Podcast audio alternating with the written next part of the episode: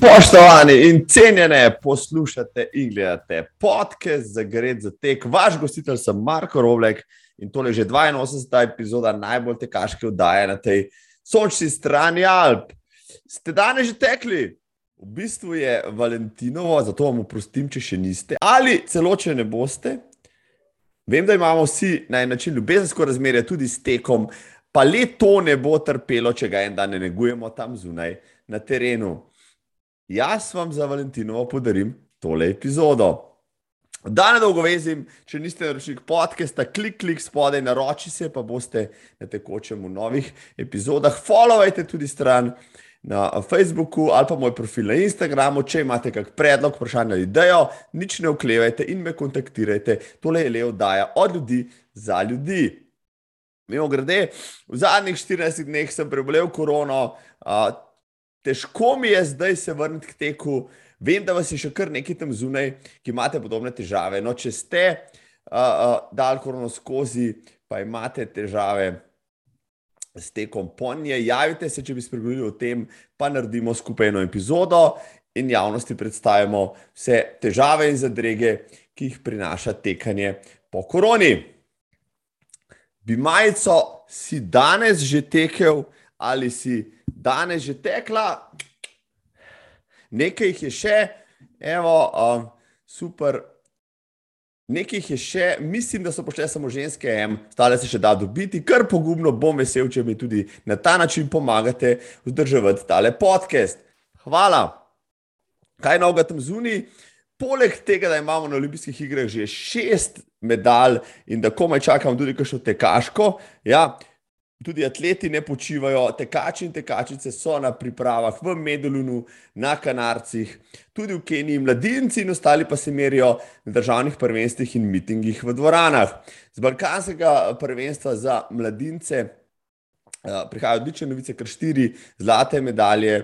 Eh, med drugim jo je osvojila tudi srednja progašica Veronika Sadek, ki je v taktični dirki ugnala vse na 800 metrov. Bravo, bravo, bravo vsem. Klara Lukan, mimo grede, zmaguje na italijanskih krosih, vsi pa že nestrpno čakamo na začetek sezone tudi na cesti. Več o tem v prihodnih oddajah. Kaj, o čem sem se namenil govoriti danes? Ja, na, rad bi vam predstavil deveterico maratonov, ki so vsi na en način posebni, nenavadni, eksotični in hudo zanimivi, od Severne Koreje do Kitajskega zidu, čez Afriko, Antarktiko, čez vzhod in center Evrope na sever, ja, in še ki vmes. Če maraton majorsi niso na vaši bucket listi, bo tale izbor vsaj malo podražil vaše maratonske brbončice. Še prej pa hitro vabilo, bi potovali še na maraton, na maratone letos, ko se korona končno umika, dobrodošli.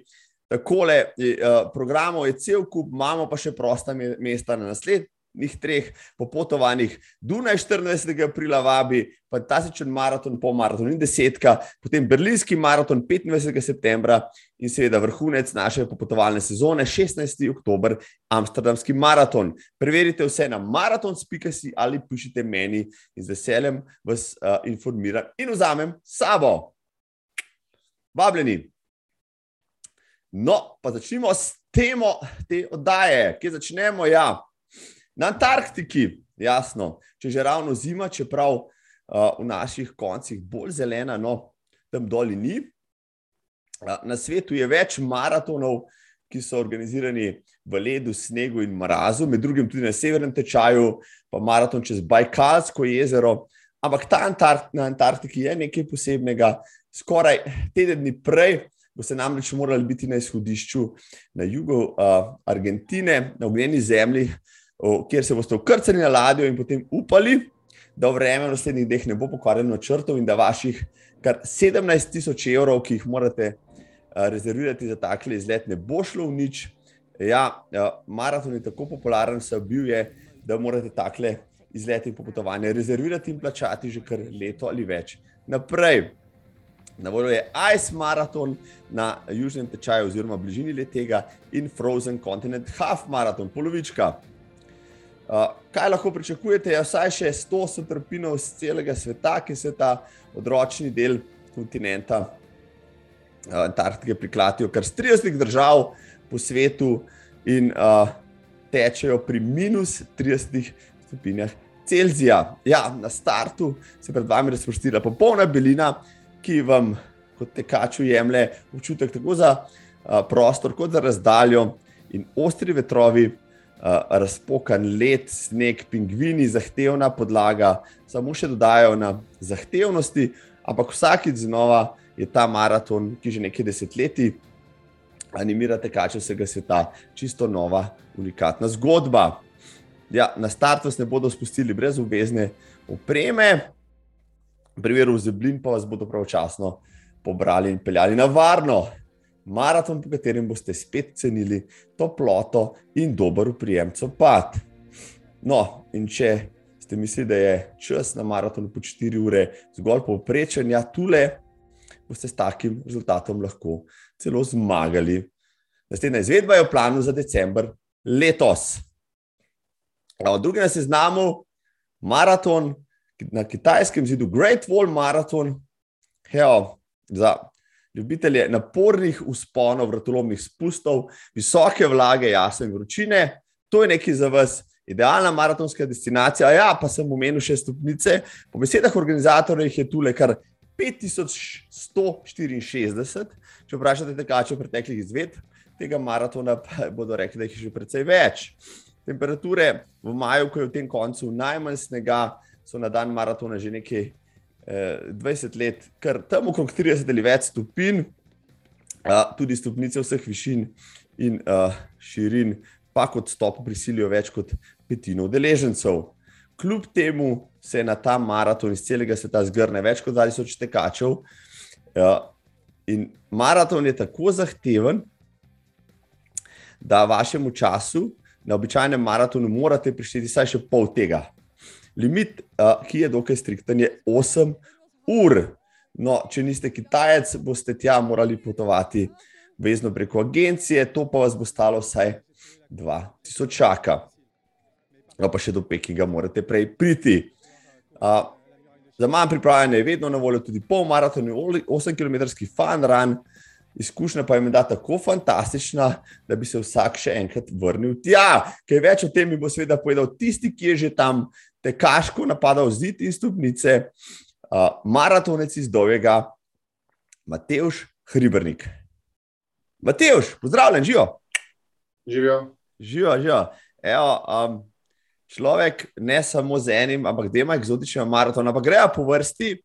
Uh, dragi Matej, šlej. Um, svoje čase si živel tudi na kitajskem, ker si delal in uh, izkoristil določene priložnosti. Uh, za maratone, ki jih ostali gledamo zelo, zelo oddaleč, povej mi, kako se človek odloči in kako pride na štart maratona, ki se mu reče Great Wall Marathon in poteka deloma tudi po kitajskem, znamenite kitajskem zidu. Ma, če si na kitajskem, moraš iti na kitajski zid, tako ali drugače. Greš, pač eni grejo turistično, kar sem tudi šel, uh, drugi gremo pa še laufat. Uh, zdaj, kitajski maraton po kitajskem zidu je nekaj. Ni samo eden, jih je več. Uh, več ali manj so vsi v organizaciji uh, tujcev, ker so edini tujci tako nori, da laufajo po zidu, ker Kitajci vejo, zakaj je zid namenjen. Um, tako da um, so različno težki. Um, naprimer, eden izmed maratonov, na katerega na srečo nisem šel, naredi tam okoli 3000 višincev. Ampak uh, kitajski zid res ni namenjen tekanju, ker je zelo strm, stopnice so nevarne, uh, hod, mislim, že hoditi včasih tako nevarno tam gor, da kaj padeš, se spotakneš. Tako da, ja, jaz sem šel pa um, na en maraton, to je pravzaprav originalni maraton po kitajskem zidu. Um, uh, mislim, da ima originalno ime 5164 korakov uh, uh, v zgodovino. Uh, to pa zato, ker je tok kao stopnic do vrha zidu. Zdaj, organizira ga ena danska agencija um, v sodelovanju s Kitajci. nahaja se pa v enem kraju, uh, Wang Jaguan, nekaj podobnega, uh, približno 120 km severovzhodno od Pekinga. Mhm, mhm. Tako da uh, poteka uh, uh, vsako leto maja, tam nekje sredi maja, uh, zdaj ga, mislim, da že dve leti ni bilo, naslednji je predviden za leto 2023, uh, je pa seveda zelo odvisen, uh, kdaj se bo Kitajska odprla, ker večinoma uh, so to knori ljudje, da hodijo na ta maraton, predvsem tujci, niti ne Kitajci. Kot sem rekel, pač treba je laufati po zidu in to ni za laufati. No. No, maraton, kot praviš, po zidu, bi bil čist predzahteven, če bi bil celoti speljan tam. Zato je tudi ta maraton, ki ga omenjaš, no, gre tvoj maraton s 5164 stopnicami, dejansko samo deloma na zidu, mislim, da uh, 5 km nekaj takega, ostali, ostali del proge poteka pa uh, ob zidu oziroma uh, po okoliških poteh. Tako, začne se uh, v dolini, Uh, in uh, potem greš uh, najprej en krok, narediš, ta je približno 8 km dolg, uh, od tega je tam je 4 km navzgor, teka čez po lušni cesti, široki, zlagoma ni prehud spon. In potem, mislim, da samo okoli 2 do 3 km si na zidu, uh -huh. uh, potem pa strn spust. Zdaj, potem, ko prideš enkrat dol v dolino, uh, je treba še kilometre nekaj narediti, in pač po okoliških krajih se potem naslednjih 20-25 km uh, vsi tekamo.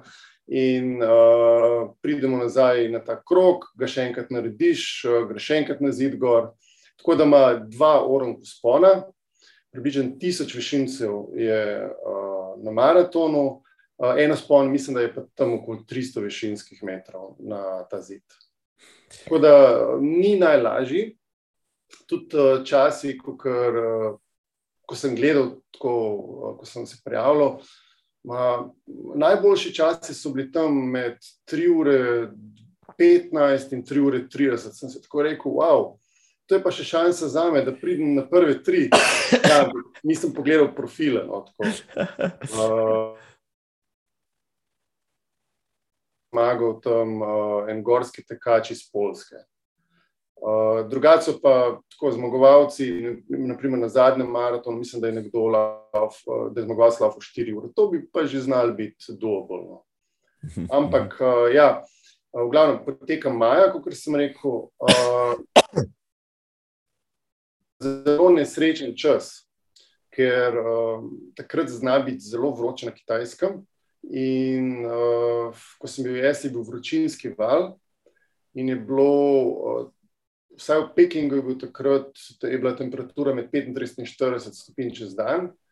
Uh, tako da, ko smo mi štartali ob 47, um, je bila, mislim, da okoli 28-29 stopinj, in čez dan je šlo potem blizu 40. Tako da ni bilo zjutraj še nekako šlo, uh, potem pa res ni bilo prijetno laufati.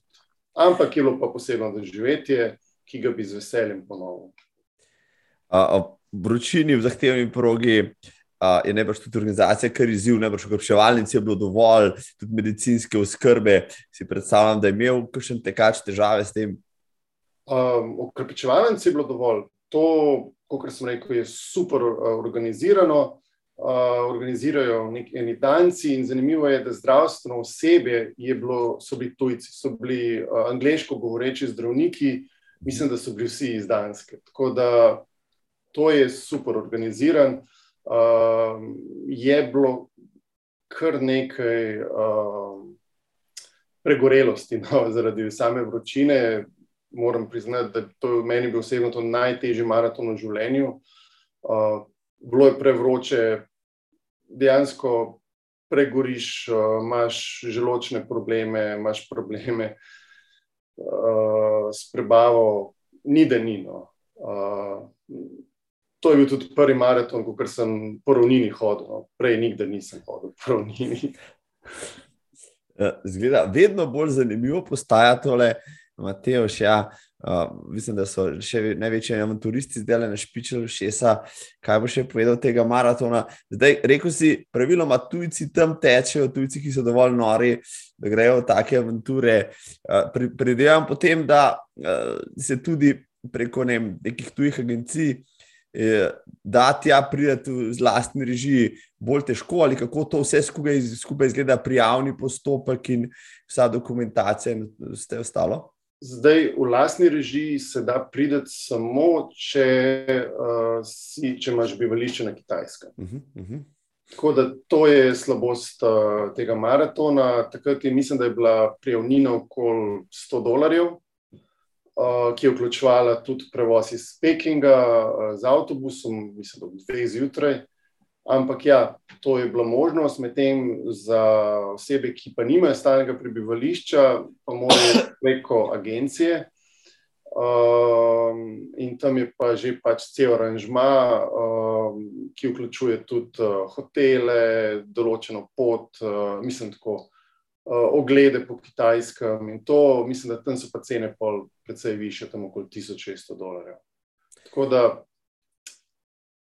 škoda, mislim, meni je, meni je pravzaprav fajn, če bi lahko v lastni režiji še kdaj šel, ampak tako da grem pa na eno, uh, bom rekel, izlet, da mi oni vozijo.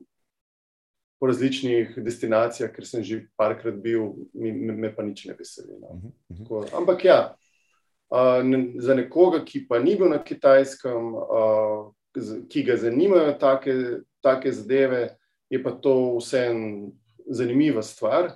Uh, tudi to, ker po kitajskem ni prav enostavno potovati, uh, mogoče Peking je malo različen.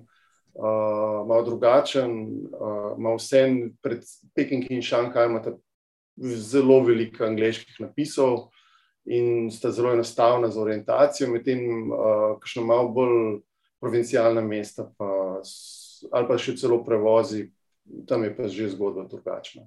Tako da, ja, uh, za nekoga, ki še ni bil na kitajskem, je mogoče fajn, da uh, tako ne gre za agencijo. No, uradni podatki govorijo o več tisoč tekačih na štartu, ti si bil tam, vem, iz prve roke. Koliko tekačev se pa je dejansko zbral na, na tem maratonu, uh, ko si bil ti tam par let nazaj? Ja, nekaj tajzga. Je mhm. bilo precej prek tisoč. No. Nisem štel, ampak uh, ja, jih je bilo precej prek tisoč. Je pa tako, no, da je več razdalj. Uh, imaš 42 km, imaš 21, pa imaš 8,5 km, to je pa samo tisti ta prvi, ta prvi krok na zid. No. Tako da imaš, temu se reče, mislim, da fun run. Uh -huh. uh, če sem dobro videl, tam je bilo še največ Kitajcev na fun runu, uh, ker vse drugo je že 42 je res trpljenje no, po tisti vročini. In uh, najhuje je po tisti vročini, ker so ceste brez sence, pač asfalt. Uh, da, in, in skozi gre, malo gor, malo dol, ima skoraj ni ravnega placa. No. Ampak ja, je pa zabavno, je doživetje. Uh, vidiš dele Kitajske, ki jih običajno ne bi. Tudi dejansko zid vidiš, uh, to je en zid, ki je, kot sem rekel, 120 km stran od Pekinga, običajno, običajno turisti ne grejo do tja. Tako da, ja, vidiš tudi uh, osebno, glede na to, da sem tam živel, tukaj nikdar nisem bil še bil prej, tako da to je bil razlog več, zakaj sem šel tja. No, in ko v Sloveniji, recimo, ali pa v Evropi zaključiš maraton, greš. Uh, na karone ali šnicel, pa na pivo. Uh, na kaj greš pa, uh, ko na kitajskem zaključiš z maratonom? Uh, ja, po koncu maratona dobiš en sendvič. Mislim, da je iz, dejansko bi to sendvič iz Subwaya, uh, iz en, enega čena. Uh, dobu si tudi, uh, mislim, da je izbiro piva, pa dobu si izbiro Coca-Cola, uh, dobu si medaljo, uh mhm. -huh. tako da super. Uh, potem si se posedel na avtobus, pa šel nazaj v Peking. Mene je zvečer čakala v eni restauraciji Pekinčka Račka. Tako da to je bilo. To je bila pika na ina. no, no, no. Evo, evo, pa zdaj posla zaključila na tole kitajsko zgodbo. Zdaj, a, če smo že dve leti zdaj virtualno virtualizirali te maratone, tudi kakšnega kitajskega, za tiste strastne zbiralce medalj. Naslednja ideja je pa uh, kontaktirati. Mateoža Hribrnika ga povprašati, če po kakšnih, po kakšnih trikih, kako najlažje priti na Kitajsko, ja, pa, pa se udeleži tega maratona. Ne kot, pač, spet ne kot prvi slovenec, žal, ta, ta naziv je že oddan mojemu dragemu sogovorniku, ne, lahko pa vam on pomaga. Brško ne, ja, če se ti kdo kontaktira, bo boš dal še kakšno informacijo. Ja, seveda, seveda. Posebej, so, pa se... tako, so, so, pa, so pa drugi maratoni še po kitajskem zidu, ker so težji, pa uh, mogoče je še celo lažje do njih prideti. Uh -huh. uh, potekajo v približno istem času, uh, ampak ja, zdaj je ključni drugi problem. Zdaj, zaradi uh, dogajanja v svetu so potovanja na Kitajsko praktično nemogoča in vprašanje, kdaj se bo začelo. Torej, ja, um, naziv edinega slovenca, ki je tekel na kitajskem zidu na uradnem maratonu, bo še nekaj časa. Tvoj sklepam, ja, razen če se je kdo javil, ki že tam bil, ampak zdaj uh, še nobenega ne poznam. Um, Žal je Bog, saj ti si šel, no, da, boš, ja. da boš lahko živi pričevalec tega, če ta koronski čas na kitajskem ostane za vekove. Ne hecam se, um, super so tole, hvala ti, Mateoš, kitajska zgodba, kljukca. Um, če gremo kdaj, greva skupaj, če že ne greva. Uh. Če, če boste organizirali, Aha, bom, bom pa šel še enkrat. to je bila vržena rokavica. Bravo, bravo, bravo, bravo Matejš. Evo, super, hvala. Gremo v Južno Afriko, Big Five maraton, ki je na sporedu konec junija vsako leto, je nekaj za prave trelne odušence in avanturiste. No, če ste kdaj razmišljali, da bi šli na safari, evo, zdaj greh, če tega ne upravite, ker v tekaških copatih, evo, maraton v Južni Afriki vam ponuja prav to. Big Five ime je dobil po petih najmogočejših živalih afriških savan, poteka po stezah in potkah, neokrnjene divjine tam doli, vsako leto pritegne več sto tekaških dogodivščin, željnih tekačev z celega sveta ki se to kamnito, peščeno, razgibano progo spopadajo na nadmorski višini okrog 1500 metrov. Temperature so tukaj kar prijazne, okrog 15 stopinje. Računajte pa, da boste vsaj te dni rabili za vse skupaj in večino časa preživeli v sicer odlično organiziranih kampih na prostem, pod budnim očesom lokalnih vodnikov in oskrbnikov ja, nacionalnih parkov, ki so tam okoli ogled proge dan pred maratonom v podvignu adrenalin, saj ni ne navadno, da se na tekaški progi uh, znajdejo tako nosorogi, leopardi, celo krokodili in mladi levi, ki kradejo kilometrske oznake. Brez skrbi na dan teka rangerji in uh, organizatorji, tudi s helikopterji, skrbijo, da tekače zaščitijo pred morebitnimi krvoločnimi predatorji. Boste pa brez skrbi, lahko tekli v štiric, kakšno zebro ali pa žirafo. In maratona, ki bi bil bolj v sozvočju z prvinsko divjino, ne boste našli. Še smo v Afriki, malo više, malo južneje od ekvatorja, na meji med Kenijo in Tanzanijo, je na 5895 metrih gora Kilimandžaro, najvišja gora Afrike, jasno, in tudi najvišja prosto stoječa gora na svetu. Z vrha se spuščajo ogromni stalni ledeniki, eh, gora Kili, kot jo imenujejo, pa daje okoliški krajini znamenit pečatno. Afričani pravijo, da si jo treba ogledati vsaj enkrat v življenju, in če že greste tja, zakaj ne bi tekli maratona vsak uh, konec uh, februarja ali začetek marca, se tam lahko prijavite na 42 ali 21 km razdaljo, uh, vse skupaj poteka v znožju gore na dobrih 1000 metrih v mestu Moši. Tanzanici pa na ta način skrbijo za promocijo zdravja in gibanja uh, in tja povabijo ne samo lokalne, tudi tuje tekače. Uh, tja pride uh, tudi več sto tujcev uh, iz kar 30 držav uh, sveta, organizacija pa si lahko predstavljate malo bolj afriško sproščena, uh, malo bolj improvizacijska, ampak zato toliko bolj, toliko bolj uh, zabavna. ampak kaj več mi bo povedal, tisti, ki je že bil tam, ja, ki je tam maraton odtekel, uh, moj gost Štajerske legendarni, zdravko Čufar. Zdravko, čufar, zdrav, živijo, pozdravljen. Zdravo, Marko. Čuj, kak si? Vredi, čuj, kaj pa ti? Bilo je že bolje, ampak se vračam spet na stara pota, tudi teči bom spet začel po tej nesrečni koroni. Pa mi reci, ti tečeš kaj? Ja, sigurno. Sicer ne več tako kot včasih, ampak veš, da še obrnem pete. To je važno. To je, to je važno. Vem, da si bil zmer zagret med prvimi, prišel, uh, kamorkoli bo treba, med zadnjimi odhajal. Uh, ampak o tem bo kdaj drugič. Danes so se dobila, tako rečeva, o tvojih eksotičnih avanturah, tekaških, kaj pa.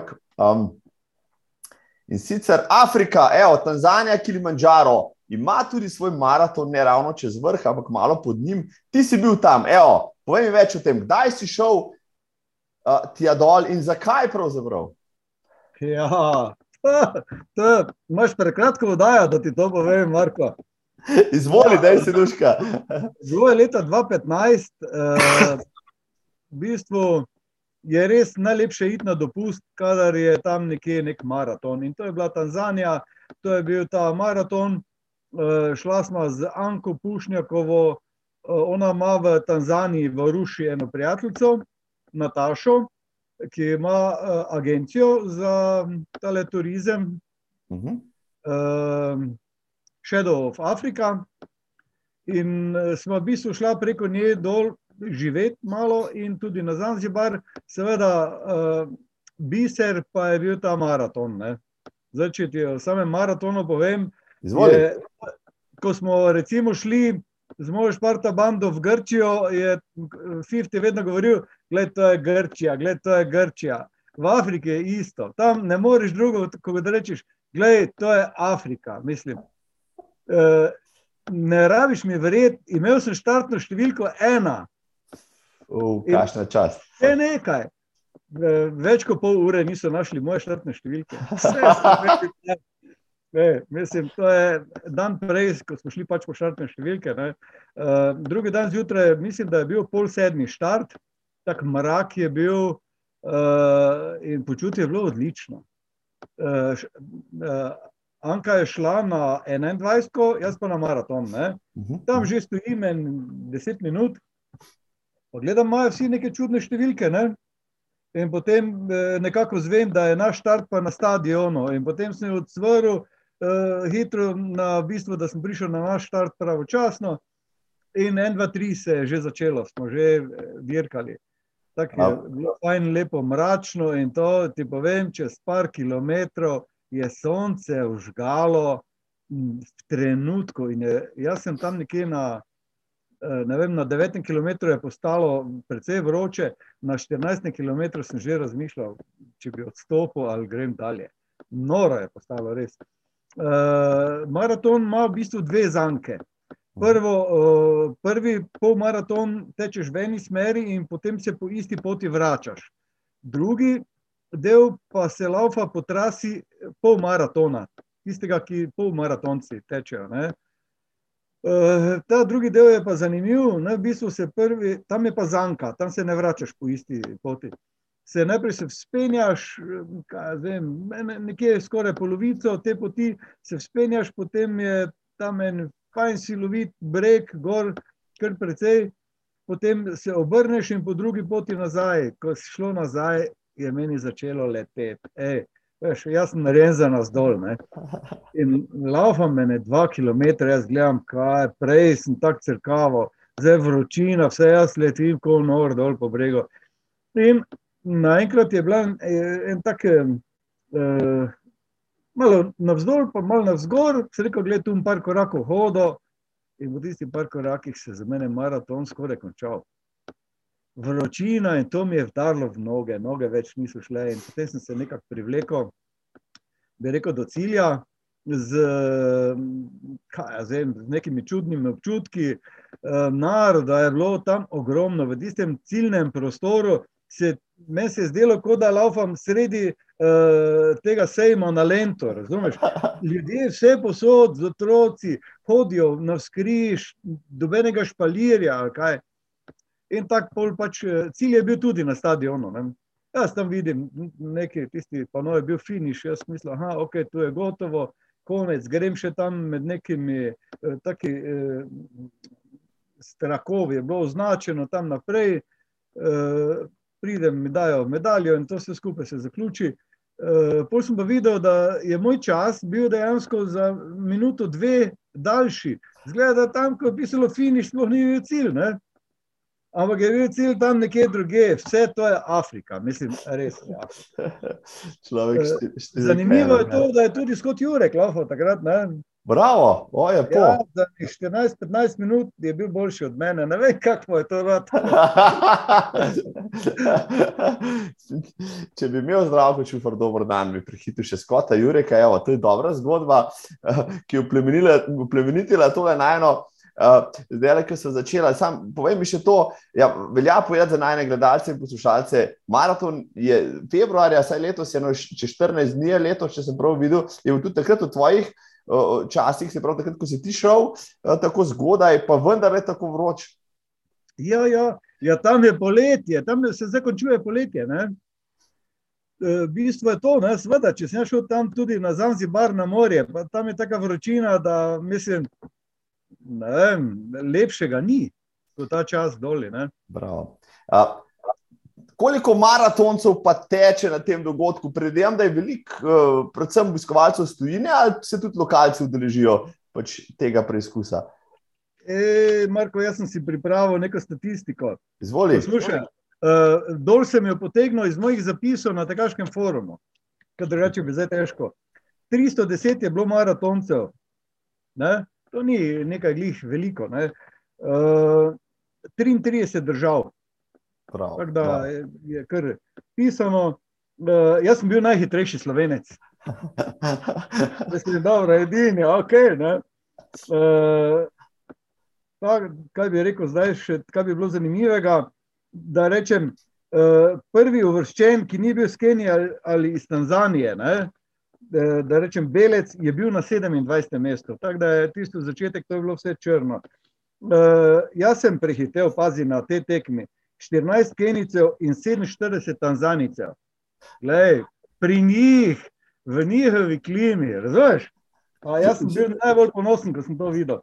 Uh, od osmih, to, zdaj pa čisto tako zanimivost. Od, dvo, od osmih Japoncev jih je bilo sedem za menoj, od osmih Francozov jih je bilo šest za menoj.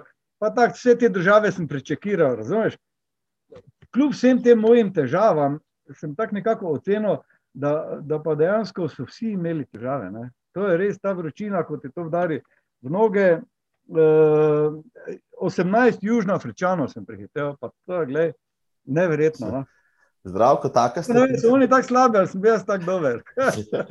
Take statistike za pasom, da prihtel toliko Japoncev, Tanzanicev, Kenijcev, vsega. Ne? Mislim, da nima noben atlet, ki ga poznam ali pa v širši okolici. Tako da, zdravko, šufar, uh, v tem pogledu definitivno vodiš. Um, da mi reci, glede na to, da si bil tam zelo blizu, no, ta Kilimanjaro je na meji s Kenijo, Kenijci so bili tam, se rekel, Tanzanici. Je kdo laufal bos po tistih stezah tam? Uh, ne spomnim se, res bi težko rekel. Lahko pa ti rečem, da je bilo tam nekje okrog 40 stopinj vročine uh, v senci in tam na soncu, ko je žgalo, mislim, da je bilo dvakrat več. Vroče je bilo tako, da se ni dalo dihati. Res, Marko, neverjetno. Kakšen je pa teren za laufa? Je to ne, uh, zbite peščene poti, je to asfalt, šodr, kako to zgleda? A, uh, asfalt, večinoma je asfalt. Mislim, da na tistim delu pol maratona se mi zdi, da tam na sponu je bilo eno malo makadama. Uh, Drugače pa večinoma je asfalt. Ja. To je kar nekje nadmorski všir, tam kot tisoč metrov, če sem prav prebral. Um, kako pa zgleda pač okolica, je to vem, poraščeno, so to neke plantaže, goste, to, ali to bolj odprte savane ali kako? Lepo, lepo. Narava je čudovita. Je kar nekaj, bi rekel, uh, dreves ob tej poti, uh, tako da nekaj sence se najde. No. In najsrečnejši si, ko je senca. Lepo, mislim, Afrika je itak eh, čudovita. Ne? In se splača prelofati teh 42 km, vidiš več. Si, si se potem po maratonu, pa morda pred njim, tudi uspel na to najvišjo goro Afrike s 5800 nekaj metri? Žal ne, uh, sem pa veliko slišal o tem. In uh, takrat sem slišal tudi, kako so, uh, bi rekel, otežili ta dostop, kako so spremenili pogoje, glede teh uh, vodičev, ki jih rabiš gor, vsa ta dovoljenja. Tako da, žal nisem bil gor. Bila pa je pred leti uh, spremljevalka moja, Anka Pušnjakova, ki je lafala pol maraton. Uh -huh, uh -huh. Ona ima bogate izkušnje glede tega. Um, zdaj, ob vsem povedanem, so sigurno um, našpičila nekaj v šest. Žal, dragi poslušalci, poslušalke, gledalci, gledalke, ne morete biti prvi slovenec ali slovenka na tem maratonu. Evo, to, to je že šlo, tudi ne. Uh, tudi brško ne, ne boste nikoli prihiteli to kenico, ki je zdravc, prihitev. Ampak Sigurno bi kdo šel, kako priporočaš sedaj, recimo, zagrizenim maratoncem, da, da pridejo do tja, vem, morda, morda preko agencije, vlastni režim, ne brž, ker bolj zahtevno. Lej, jaz, če bi predlagal komu, bi sigurno rekel, da ta agencija Shadows of Africa, ki jo ima ta Nataša, Mariborčanka, uh -huh. uh, ona je v bistvu uredila vse s tem, da, da je uredila prenočišče in tistega gajda, ki nas je pelal na štart, je tam počakal nas. Pravzaprav že prejšnji dan nekam tam v bližino na prenočitev in v bistvu vse te transfere upravo. Ta organizacija je bila čudovita. Pa smo še, če misliš, da so to naši ljudje, lahko se pogovoriš vse, kaj češ, tako je tu zelo dosti vidim pozitivnega v tem. Uh -huh. uh, Moče čisto tehnično, no, za en takle podvig bi rekel, rabaš morda kakšen teden časa, najmanj, rajš več, morda ne vem, uh, koliko te finančno v grobem pride en tak podvig. No, časovno bi rekel tako, kdo gre v Afriko na maraton, pa nazaj, tiste naj bo doma. Afriko moraš videti, Afriko moraš doživeti. Vse tiste slike, ki jih vidimo, ko se en pelje s kolesom, pa ima gor 32 eh, plastenk, totih kant, velikih zvezanih za vodo, ali pa okoli vrata neke gume navešene. To je vse res, to je vse doli, vidiš tam. In misliš, da so te slike bile nekako izmišljene ali odigrane. Tam je življenje takšno, življenje je drugačno. Mislim, eh, in če to ne doživiš, če to ne greš pogledat, škoda, da, da bi hodil v Afriko, res. Prav, prav. Um, Uh, zdaj, eno stvar se mi zdaj še prišla na misel, rekel sem, vroče je bilo peklensko. Uh, kaj so pa točilne ukrepčevalnice in kako pogosto so bile, čisto malo za orientacijo tudi slovenskim organizatorjem maratonov? Je, mislim, da so bile čisto tako klasično, kot je na maratonih, da, da ni bilo neke posebnosti.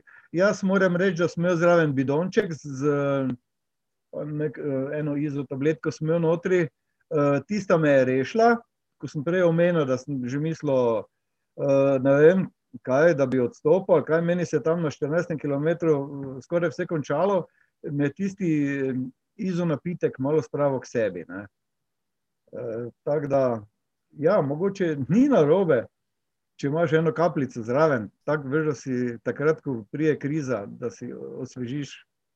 A ja, ko se že to, Kilimanjaro je pivnica tudi, je sponzor. Ej, to bi skoraj pozabil povedati. Sem te ravno hotel vprašati, če si prišel do, do piva po, po zaključku. Potem. No, se je, Marko, to mi ne bi rado vprašal. ne bi hodil dol, če ne bi že prej vse pozanimal. se pravi, okay, tudi, tudi za nas pivo ljubce je na koncu uh, kakšna kapljica za regeneracijo, to me veseli. Uh, Zdravko, evo, super, mislim, da so bila zelo informativna, navdušila so koga. Uh, najbrž lahko tvoj kontakt tudi pustimo ob tej vdaji, da te, da te zainteresirani morda še poprašajo o čem. Lahko, lahko. Vrhunsko. Seveda. Vrhunsko. Uh, zdaj verjamem, da imaš ne broj še takih podobnih zgodb. In, uh, za te zgodbe se dogovoriva potem v kratkem, da jim jih še zaupaš v malo daljšem pogovoru. Uh, Danes pa zaključujem uh, v afriškem stilu. Mogoče še kakšna uh, zanimivost ali kaj takega, kar bi dodal, recimo, recimo tem Kilimanjaro maratonu. Kaj bi dodal? Ja, zanimivo je bilo, recimo, mislim, tisto, ko sem rekel, da je Afrika. Ne? Eh, da Anka sploh ni imela rezultatov za 21.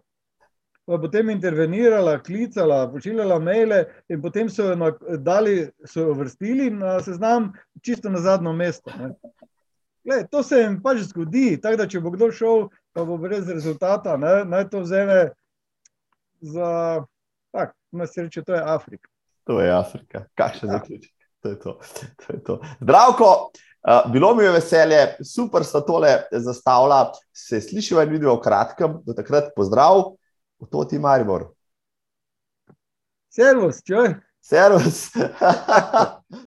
Če bi vprašal, kateri je najhitrejši maraton na svetu, kaj bi rekli? Ja, Španci imajo odgovor. Uh, v Grenadi organizirajo World Fastest Marathon, uh, najhitrejši svetovni maraton. Malo za primerjavo, no, če uh, nekdaj naš najtežji gorski tek, imel 2 km višinskih metrov spona, ima ta maraton prav tako 2 km uh, višinskih metrov, ampak spusta, ja, tako je. 42 km se praktično celo progo spušča iz štarta, ki je na 2600 metrih proti morju, uh, po serpentinah Andaluzijske Sierra Nevade.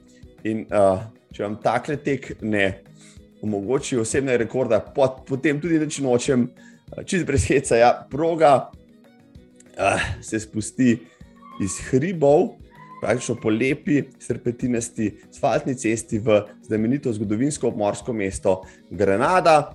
In uh, enkrat je zmagovalec iz Kenije, jasno, na 30 km imel boljši čas kot Kipčoge v Berlinu na tem, uh, na tem uh, meniku. No, kasneje je malo pobralo tega Kenica, ampak maraton tudi ne bi štel, da se to rekord šteje, pa zanimivo kot kvalifikacijski tudi za bostonski maraton. Tako da, evo, če uh, ste blizu, uh, pa druge, druge te možnosti nimate, v Grenado, v Španijo, pa bo šlo.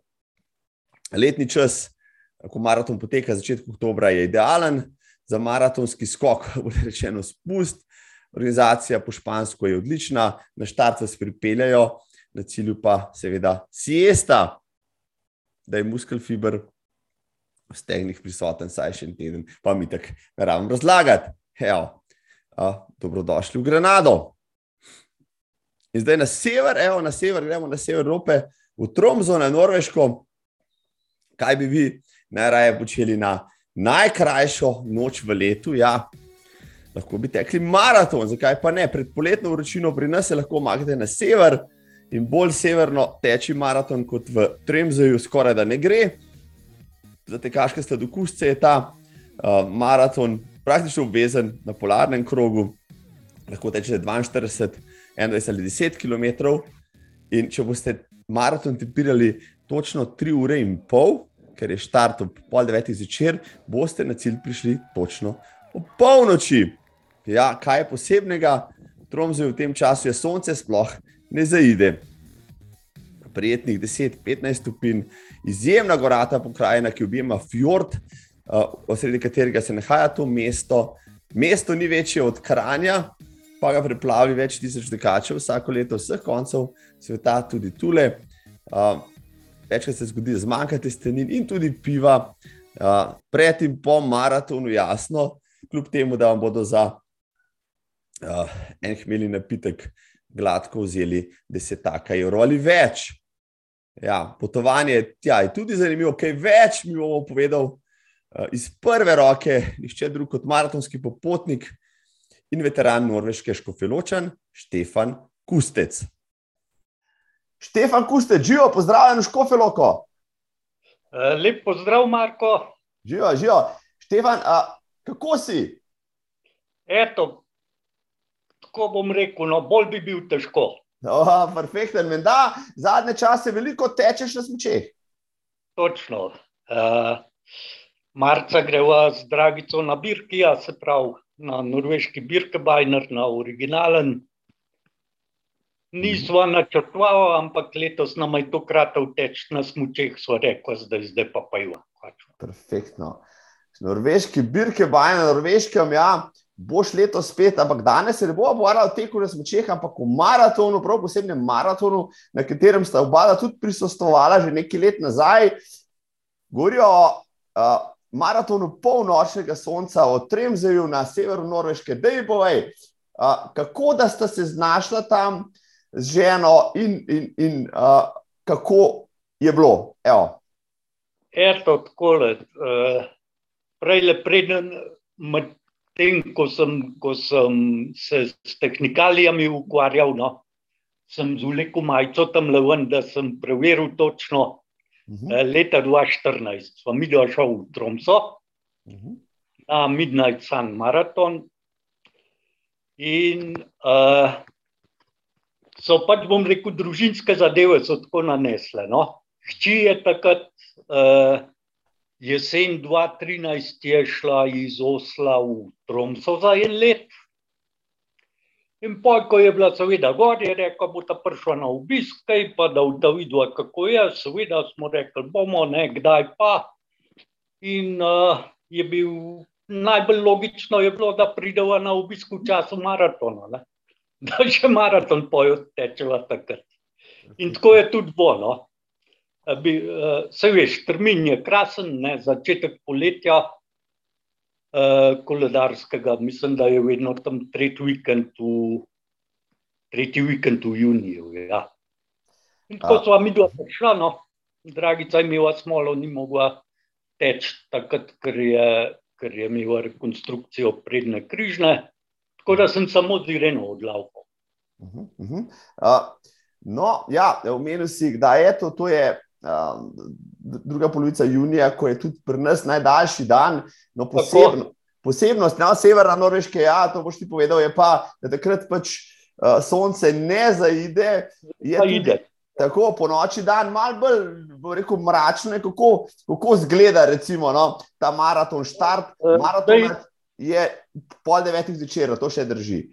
Še drži, še drži. Uh -huh. Tako da mi dva z Ireno sva prišla v cilj ob uh, ja, okrog ene zjutraj.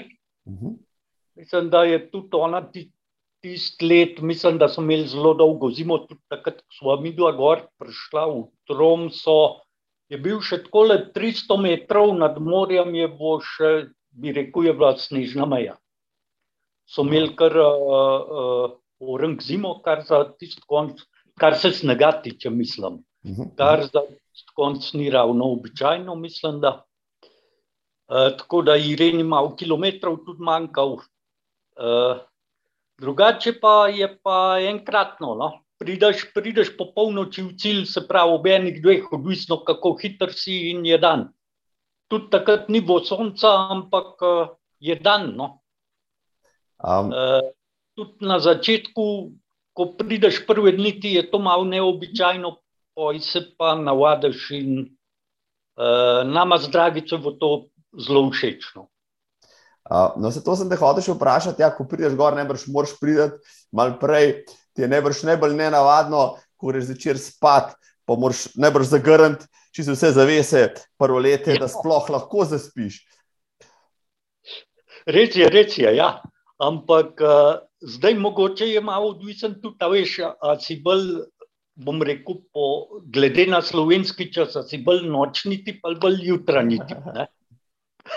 po moje, da je malo od tega odvisno. No, jaz sem se zelo hitro adaptiral, je pa, je pa bilo, mi dva smo pa tudi po maratonu ostala dva tedna, smo šli še dol na Lofote, malo pa spet nazaj v Tromso. Uh, in, in je na koncu bilo tako, da sem zmeraj kasneje spat hodil, pa zjutraj smo zmeraj gle spali. Ne vam povem, ja. Tromzo, ki sem si pogledal, je res, res na severu, skoraj na severu Norveške, to je ne, 1600 km iz Osla. Kako ja. je najlažje priti do tja, no, če so že pri tem, uh, kje, kje, ste, kje ste videla potovala, kako sta videla dospela uh, do severa? To, to je res to je tako delač, da jaz vsem toplo priporočam z letalom. No. Uh -huh.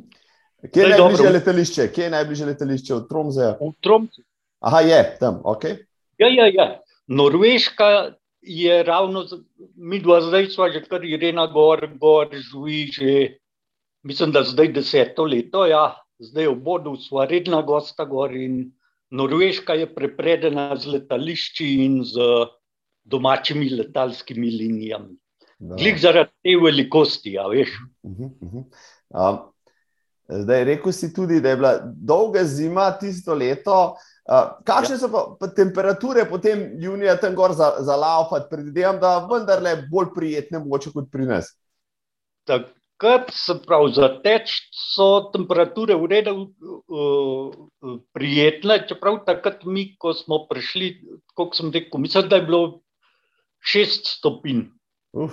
Da, ja, pa, ampak se je pa potem naslednje dni v bistvu otoplil, tako da je bo čez dan normalna 20. No? Zanimivo. A, a, najbrž si se ogledal tudi po, po ostali konkurenci, tekaški. Koliko tekačev pa se udeleži ta, tega maratona in najbrž je zelo pisana mednarodna družščina na štartu? Je pisana, pa bi rekel, je to to je v bistvu, če bi primerjal, bi rekel, je, je bistveno manjši maraton številčno kot Tradici ali pa Ljubljana.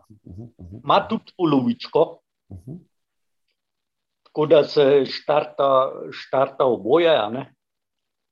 Uh, je pa bistveno manjši. No? Tako da, pa, tako se rekel, pa najdeš pa z vseh držav na udeležence.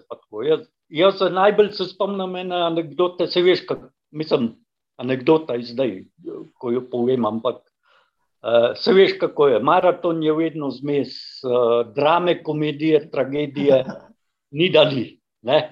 In jaz se spomnim nekje, nekje po 30 km. Irena je imela neprebavne težave, smo se tam ustavili, jaz sem jo čakal zunaj, pač, uh, ne vem, organizator je pač malo premalo tistih VC-jev predvidel, tam so bile hiše in je nekdo potem, ki je tam čakal, je malo jamral, mu je en domačin ponudil svojo hišo, da gre lahko k njemu na VC.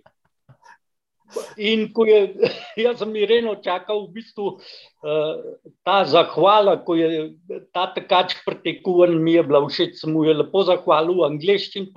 In pojke že teku, se je še obrnil, pa mu je nazaj zaklical, mu je rekel: Don't worry, I opened the window. da, v bistvu, da, ne vem, to je taka reč, ki ti ostane v spominu. No. Ne veš, kaj pomara to. Ampak res, tako takrat v bistvu, se veš, taka stvar ti olajša poj tiste zadnje kilometre, malo se mi zdi. Uh, no, uh, uh, moče veš, uh, še za kakšnega slovenca, poleg sebe in ščere, no, ki je prisostoval na tem maratonu, morda prej ali kasneje. Ej, a veš, da ne, Marko? Uh -huh, uh -huh. takrat, takrat, ko smo bili, smo bili samo mi trije, to je sigurno. Bravo, bravo. bravo. No. Zdaj pa zato pa, če malo pobrskaš, boš mar biti. Je pa, je pa res to, no, kot si sam rekel, pismo deleče. No? Uh -huh, uh -huh. Res je, je deleč dve ure za avionom z Osla. No. To je, to, je, eh. to je res daleč. Ja, to prideš, recimo, z Ljubljana že v London, če smo že pri tem. Ja, tako, ja. Ja, ja, v bistvu že tako. No, Ljubljana, a veš, pa Ljubljana nimaš direktnega do Osla, ne moreš spet prestopati. Uh -huh. Greš Frankfurt, greš Bruselj, ne, ali pa če se peleš, ne vem, kam na italijanske letališče, ali pa dobro, zdaj gremo da tudi z Hrvaške. Sam, če bi šel zdaj, ne vem, z Hrvaške, recimo z Ryanairom, moraš vedeti, da, da Ryanair v Oslu pristane v letališču, ki pa nima povezave s Tromsom in moraš pa iz tistega letališča na drug letališče v Oslu prideti, da boš pa šel v Tromso, tako da moraš vse to malo računati. No, tako da, mogoče težko boš kaj pridobil na pram letu iz Ljubljane, tako bom rekel. No. Um, no, uh, si prav gotovo edini uh, slovenski, ki ga poznam, da je natekel na tem zelo zanimivem maratonu. Uh, zdaj, najbrž uh, lahko pustim še en kontakt, recimo Facebook kontakt, tvoj, da te še kdo pokontaktira. Ja? Sigurno sva koga uh, navdušila, da bi šel na sever. Tako, je, jaz mislim, da če greš gora, ne že zaradi same razdalje, pa to je smiselno, da to združiš vsaj s krajšim dopustom. No? Ker poletje tako daleč na severu je pa, je pa vsaj meni se je zdel zaradi tega 24-urnega dneva nekaj posebnega. Vrhunsko. Vrhunsko. Je, je, mogoče, mogoče bi samo še to rekel. Če, če bo koga potegnil gori, da bo šel toplo, priporočam, je, je res lepo. Da mogoče, če se odloči za počitnice, da bi še kak teden ostal, uh mhm. -huh. po maratonu, recimo, ali pa prej, kakorkoli. Uh, uh, mogoče naj ne hoče zelo priljubljen, še gor hoditi na Nordkap. Uh -huh, uh -huh, Romca, mislim, da še na 700-800 km gor, severno. Ampak jaz bi vseeno priporočil, da gre mogoče raj 600-700 km južno do Lofotov. Prav. To je slikovito otočje. Mi smo šli, smo bili tam 8-9 dni. Uh, tako za aktivni oddih, enkratno. No? 24 ur dan, se pravi, imaš na razpolago vse čas tega sveta, nobene gneče nikjer. Uh, no, za dušo, pa za aktivno preživeti enkrat. Kakšne so pa kaj uh, cene piva tam gor, če bi se v tem 24 ur dnevu kdaj pač usedel dol pa jih spil nekaj? Ja, uh, bom rekel, da, da si kar mal šokiran. No? cene zunaj piva se začnejo v bistvu od 10 evrov naprej. Tu, ja, ja. No, Najcenejši uh, je treba povedati, v trgovini je samo 5, 5 evrov. 5 evrov. No. Ampak... evrov Se pravi, ni veliko. ja. ni, vel, ni veliko skušnjav, torej, da, bi, da bi ti višek časa tam uh, preživel v gostilni. Ja, ne, ne. Tako da, tako, uh, kot so rekli. No? Uh, še en razlog več, da si tako bolj produktiven. tam, tam res, ko greš, veš, se usedeš, tam res spiješ, enega pa greš. Ne? To je pa to, Če, tam pa res drži, a gremo na enega, ja, pa na tam avga. Tako. Prav. Jaz mislim, da so, da so zelo, zelo informativna, zdaj le Štefan. Um, Je bil to najbolj eksotičen maraton, ki si ga odlaval v življenju? Uh, ja, ja, sigurno. Ker je, je mislim, uh, vse pravi. No, ta 24 ur dan je res je nekaj posebnega. No. Padeš v ta ritem, veš. In, se težko navadiš nazaj na, na, na slovenskega. Praviš, ja, ja. ja je, tako, da, tako da mi dva smo zdaj do. Ravno letos, ko se je lani Irena spet preselila, pa nekoliko južneje od Tromsa, na 800 km južneje, v Bodo in so v spet polet prnja in spet na no, ta 24-urni dan. Uh, se mi zdi si zelo, zelo, uh, bom rekel, če preživljaš dopust aktivno, si zelo produktiven. No. Aha, to je. Ja, to... Nikoli te mrak ne ujame. to pa je evo, citat tega pogovora. Bravo, bravo Štefan. Ja. Uh, hvala ti uh, za res uh, zanimive informacije, za vam pogovor. Jaz ti želim dober trening še naprej in pa seveda spet srečno pot na Norveško. Marko, hvala lepa, hvala za povabilo. Z veseljem, lepo zdrav, živijo. Lepo zdrav, živijo. Iz severa, pa v center Evrope, ja, vinorodno pokrajino, maraton Dubedok je vinski maraton. Evo, če menite, da alkohol in maraton ne greste skupaj, ja, na tem le maratonu boste, ko boste utekli, še bolj prepričani, da je temu tako, ali pa boste postali polnokrvni maratonski vinski tekač. Ja, kdo se še ne spomni Vajn Ranov v Istri ali pa znamenitega rokovega teka na Štarskem, Rogaški, Slatini. No, eh, če ste bili tam, katerem od teh si lahko približno predstavljate, kako tule poteka maratonska razdalja, s tem, da tule še, še eno stopnjo bolj odbito, bolj noro. Uh, celotna maratonska proga premrš poteka po Vinski cesti znamenitega Bordojca, kjer boste na 23 vrčevalnicah, preden vam ponudijo vodo, slišali belo ali rdeče. Ja, tako je. Vina je na neomejenih količinah, prav tako je obvezno biti našemljen, po možnosti tudi malo mačkast od ogleda vinskih leti prejšnji dan, pa seveda tudi se stradan, se jim bodo na krečovancah ponudili vse uh, možne kolerančne presežke, te pokrajine, tudi ostrige, pa pa šteto, sir, zrezke, vafle, ni da ni. Dirka bo kmalo stara že 40 let, uh, ena bolj hecnih in norih dirk na svetu, pa nima tipične maratonske mrzlice na štartu, prej obratno. Vsi so razigrani in razposajeni, več kot 8500 tekačev iz vsega sveta, pa razgrabi prosta mesta, že v nekaj dneh, ko se odprejo prijave, ponavadi je to aprila. Jaz ta maraton ogledujem že kar kak ducat letno, računam, da zdaj po koroni naslednje leto pa pride na moj itinerar in če bo, evo, vas povabim zraven, povem več informacij, ko bo na vrsti, pa gremo skupaj okušati francoska vina in vse ostalo. Zdaj pa spet na vzhod, v Severno Korejo, ja, maraton v Pjongjangu, v prestolnici Severne Koreje. Je uh, edinstvena priložnost, da boste kdajkoli tekli v najbolj izolirani državi uh, na svetu. Ja, uh, ni čudnega, da ta maraton, ki je od 2014 tudi mednaroden, internacionalen, privabi kar tisoč tekačev, vseh koncev sveta. Ja, tja ne bo šlo drugače kot pred, prek enih od uradnih agencij, ki bo spravila tja in preverila pred tem jasno. Uh, teče se tudi polovička. Na maratonu je bilo tisto leto, ko je bilo tam več slovencev, limit samo 4 ure.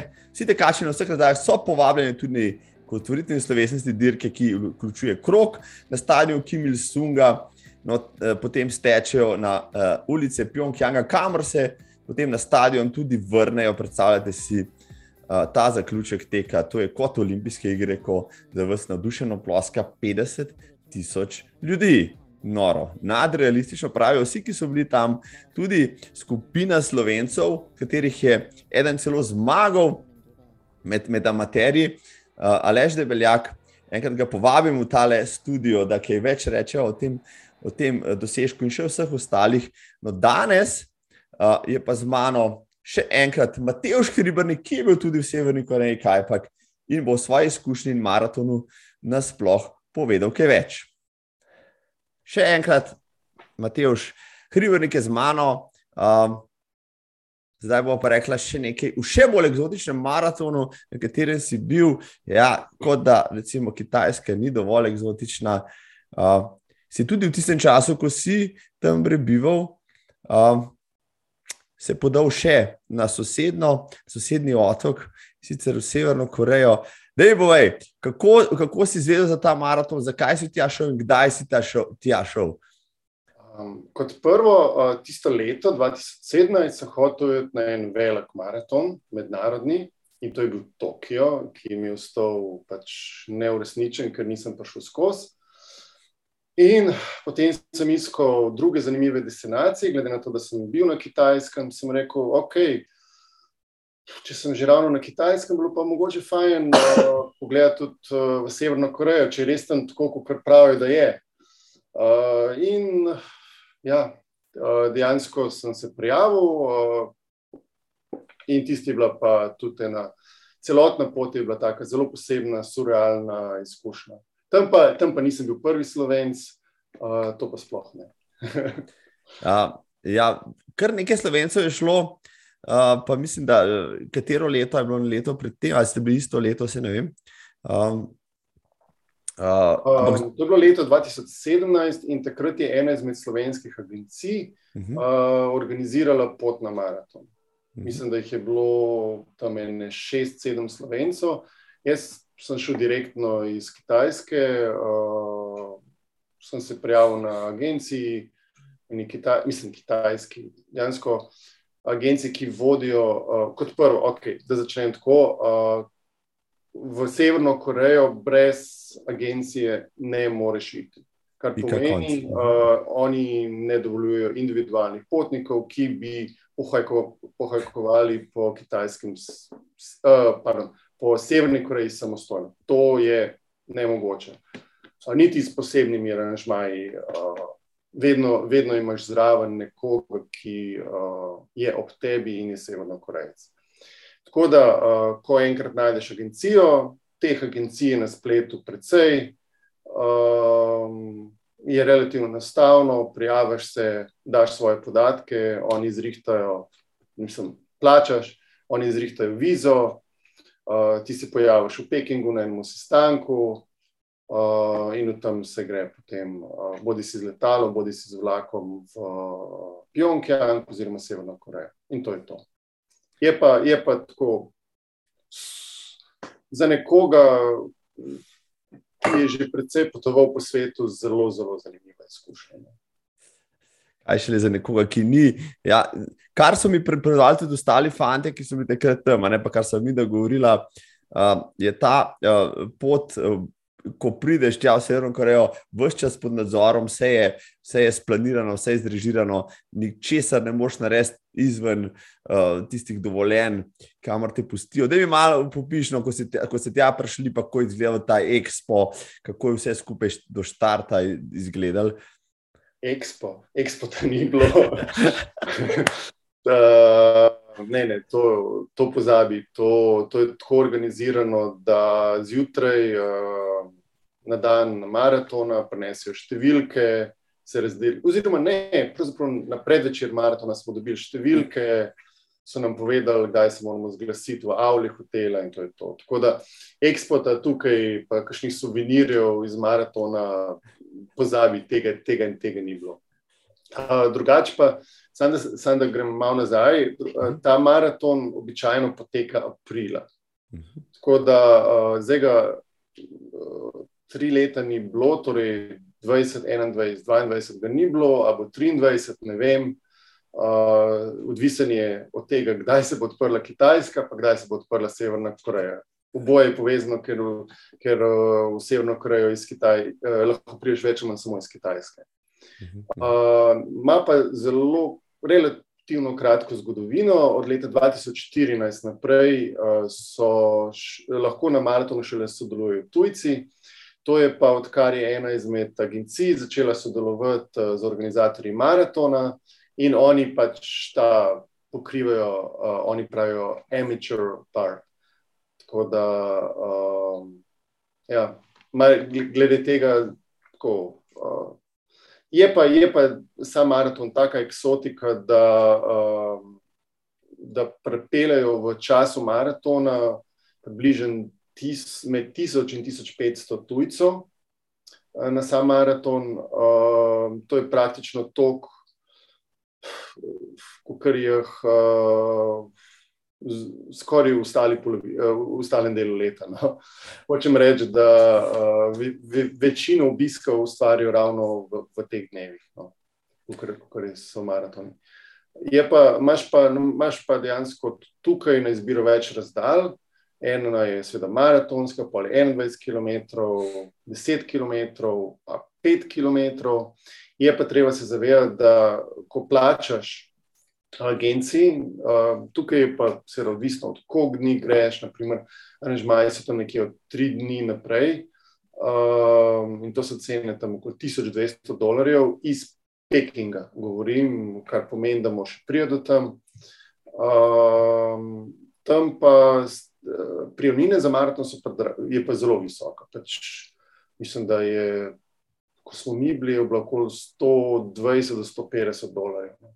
Mhm. Tako da to je že skoraj parira ameriški maraton.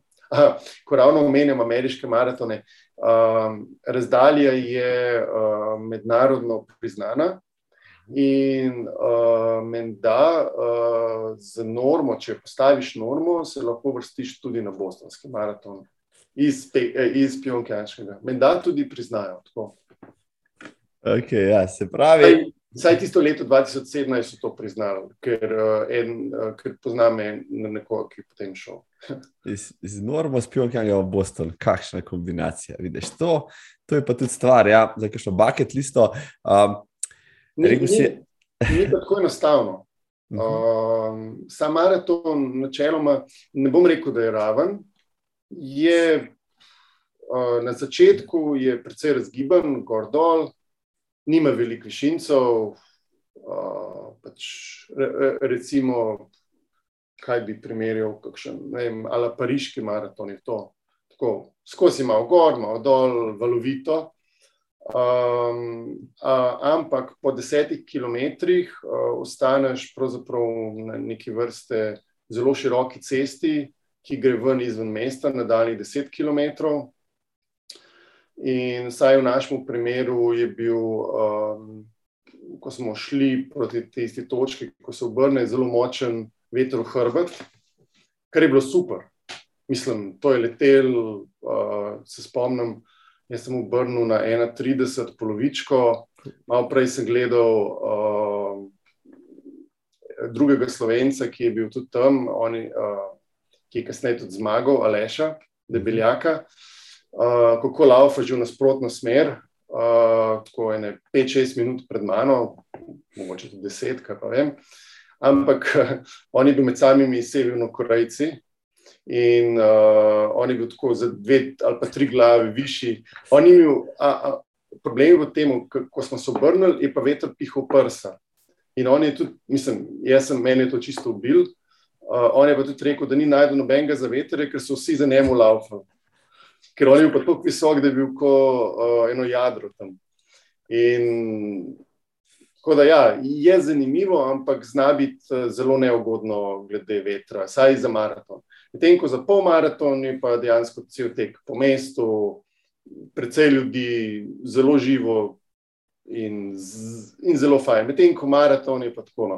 tistih 21 km, ekstra, kot odlaufa, še je tako, ne, rahlo nezanimivih, je pa vsem doživeti. No. Tako, da potem lahko reče, da si tam maraton odlaufal. No, eh, tudi če bi ga prehodil, čeprav ga ne moreš, ne? ker se spomnim tisto leto, ko so ste Slovenci potovali tja, je bilo eno obvestilo, uh, malo pred maratonom, da je limit maratona skrajšan na 4 ure in kdo ni sposoben tega prelafati, ne gre na polovičko. Ostalih, uh, kaj pa, če tega ne narediš, pa tega pa potem ne odlafaš 4 ure, pa nisem uspel razbrati, a te stankom povozijo ali kaj ti naredijo, to pa nisem pa vedel. Uh, mislim, da so podaljšali, takrat je bilo potem 4 ure in pol. Je Aha, bila tako, ker je bilo relativno toplo. Um, tako da mislim, da so podaljšali. Uh, zdaj ne vem, s čim te, te, te pripeljejo nazaj na stadion. Ja, ampak brez skrbi, pripeljejo te nazaj na stadion, te ne bodo tam pustili.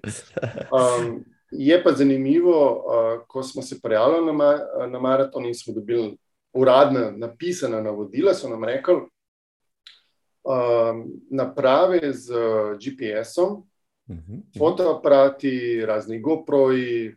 Prepovedano. Uh -huh. So prepovedani. Uh, pravzaprav uh, napravi z GPS-om ne smeš prinesti niti na, uh, v Severno Korejo.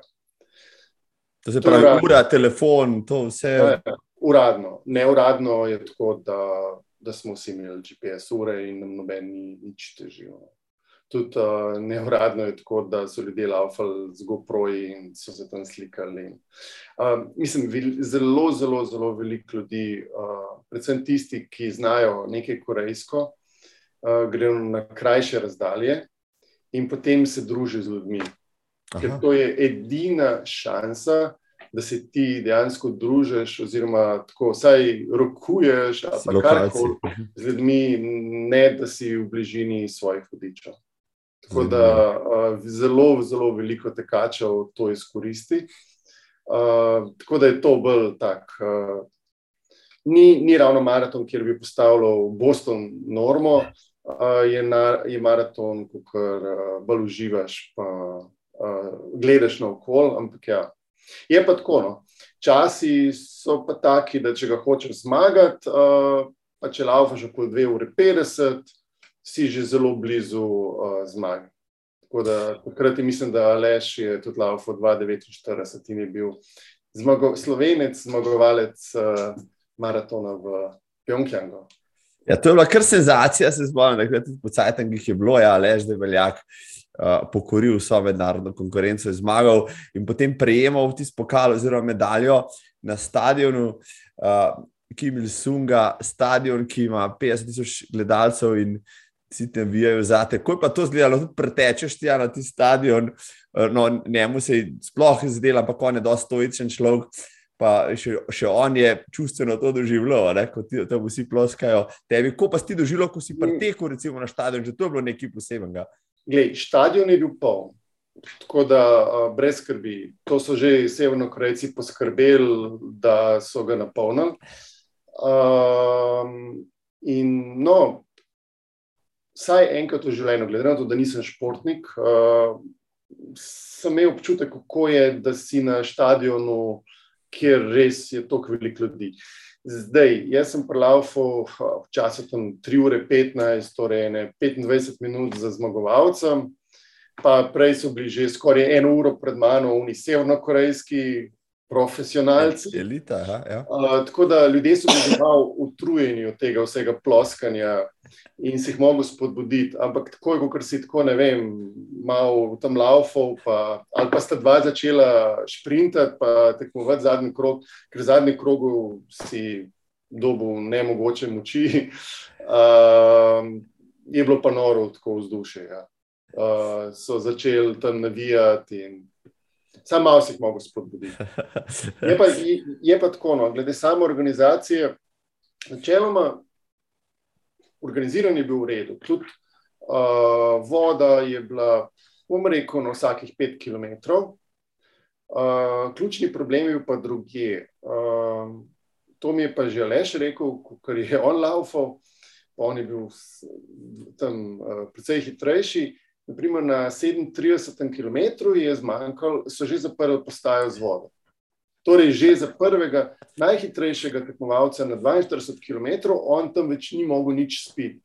Bilo je pa tam svojih 15-16 stopinj, zdaj pa veš, prejšnja postaja je bila pa, kaj pa vem, mogoče na 28 km ali pa še celo na 21, ne, ne, ne, 21, ne, ja, ne, ne, 28. Tako da bilo je kar malo. Um, smo bili dehidrirani na koncu. Redukcija vode, ja, redukcija tudi vode. No, glede na to, da Severna Koreja velja za državo, kjer ljudstvo živi bolj od zraka, pa od upanja, kot od česa drugega. Kako je pa to izgledalo, recimo, če ste se po maratonu pred njim hotel, ki je dol vsest, ki je pojest, ki je spit, je za zahodnjake oziroma za obiskovalce to poskrbljeno ali kako to izgleda? Um, pred uh, prireditvenim prostorom, uh, mislim, pred Kim Il-sung uh, stadionom je bil neke vrste, ne bom rekel, prireditveni prostor, ampak tam so bile stojnice postavljene in dejansko ni bilo nobene umitve, da nisi šel tja. Pa, uh, pa vzel, oni so imeli en barbecue, ne vem, kakšno meso, ne vem, nič recimo, da je bil piščanec, uh, lahko si vzel pivo, pa take stvari. Tako da se je dalo. Mhm. Dal se je nekaj popiti, pa pojesti, ampak uh, več ali manj smo imeli, tudi so nas po koncu maratona. Uh, torej, ko je prlavo ta zadnji na 4 ure, pa pol. Uh, so nas v roku 20-25 minut uh, zelo hitro zlifrali uh, na avtobuse in odpeljali tudi uh, še to je bilo, niso nas pustili ven iz stadiona.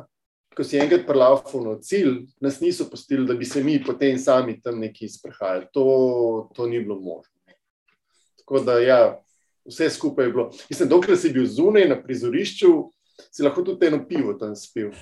Dokler si laufal. Ampak, uh, ko si končal, si pa mogel počakati, da so vsi končali. No. Tako da, ja, bilo je, bilo je surrealno. No. Surrealno. Ampak, ampak ja, doživetje pa je bilo posebno. Ja, se pravi, če se izvoli. Še ena stvar, je Izvoli. pa zanimivo. Uh, odvisen je tudi, kot sem prej rekel, s katero agencijo greš. Naprimer, mi, ko smo prelafali do konca maratona, smo dobili majice. pa smo dobili uh, um, medalje. medalje. Uh -huh. Tem, ko kar zmagovalec maratona ni dobil, je dobil, mislim, da rože, se veš, kako pa rože prinesel v Slovenijo. Pa ne vem, če je dobil en list papirja, da je uh, eno plaketo, da je kao zmagal. Ni pa dobil nobene medalje. Naprimer, on je šel z drugo agencijo uh, in tista agencija mu pač ni medalje zagotovila, niti majice, nič. Da... Se pravi, ko bomo potovali tja, dragi Matejš, te nujno moram vprašati, s katero agencijo se potuje, da nazaj prevlečemo vsaj kakšno medaljo, pa majico, ker rož, tako ali tako nam dobili, ker to hitri v svet nismo. Ja. Ja. Um. Uh, glej, lahko greš pa na 10 km laufati.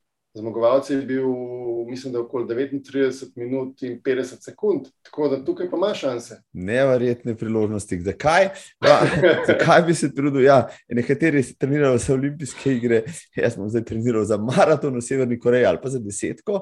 Super si, super si tole povedal, si navdušil. Se pravi, če gremo kdaj, uh, da ne efektivno ti z nami, no, ker si že veteran zdaj uh, uh, teh vzhodnjaških eksotičnih maratonov. Še ena zadeva, to je pa opozorilo za vse, ki gredo v Severno Korejo, pa ne no. samo na maraton. Če bodo še kdaj želeli v ZDA, bodo imeli uh, probleme. Um, in, naprimer, Visa Waiver program za ZDA ne velja več za obiskovalce Severne Koreje.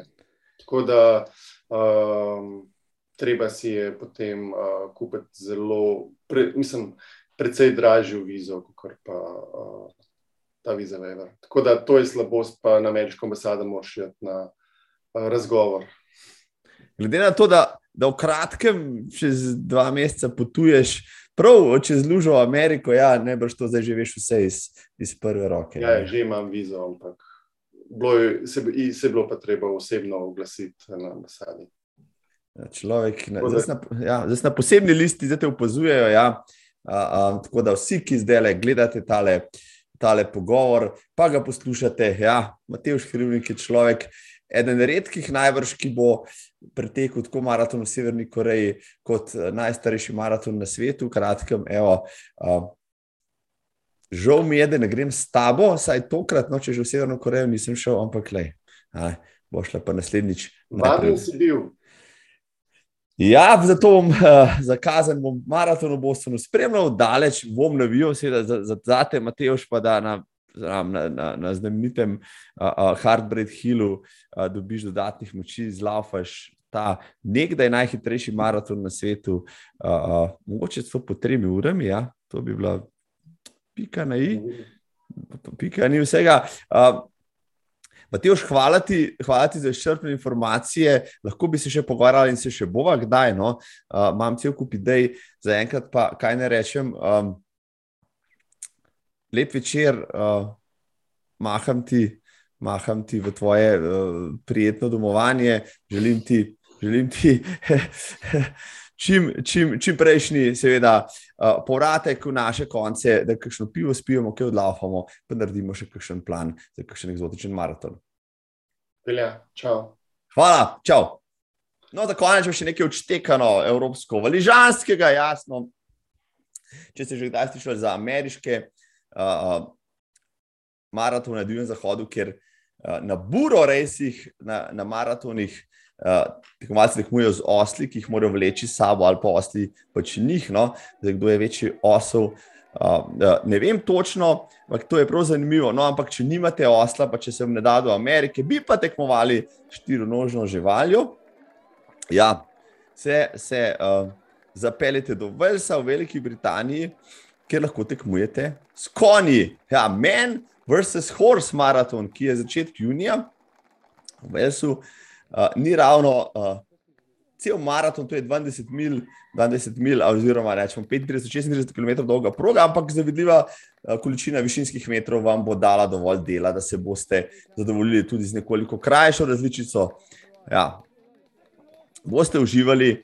Uh, definitivno, posebej, če imate radi živali, se 15 minut za štartom, kakih 500 tekačev na progo spustijo, tudi 50 kon z večjimi jezdeci. In če ste z pravega testa, boste tekmovanje z žlahtnimi dirkalnimi štirinožci vzeli tako za res, da boste premagali prav vse. No, to se je že zgodilo vsaj dvakrat v zgodovini tega maratona. Praviloma pa zmaga jezdec s konjem, seveda je bila pobuda za ta maraton, ena stava v pubu. Mesto na vzhodnem Velsu, Lenvirt, Vels, uh, vas res navduši ne samo z pubi, ampak tudi z nevrjetno razgibano valižansko pokrajino, proga pa sprečenih hribov, pa dolin in potokov, samih zaselkov, ne bo dala dihati, ne samo zaradi napora, ampak tudi zaradi lepote. Evo, in vsakeč, ko vas bo razgreta žival z jezdecem ali je hačico prehitela, bomo to dalo še dodatnega zanosa. Maraton privlači vedno več turistov vsega sveta. Verjamem, da mogoče tudi koga izmed vas, vzemite gele sabo, piva in ovsa, pa menda imajo dovolj. To je to od maratonov, zato dajo čisto za konec, morda še uh, filmski predlog tedna, ker je ravno Valentinovo. Teci Lola, teci, ni tipični tekaški film, se pa v nemški klasiki izjemno veliko teče, saj je fantastična Franka potente v nori akciji, tista, ki se bori s časom, uh, uh, ker jim mafici grozijo, da jih bodo ubili fanta, če v 20 minutah ne dostavi 100 tisoč nemških mark. Ha, noro, dinamično, res akcijsko, predvsem v znamenju večne ljubezni. Vse najboljše, valentinčki, imejte se radi, se vidimo k malu. thank you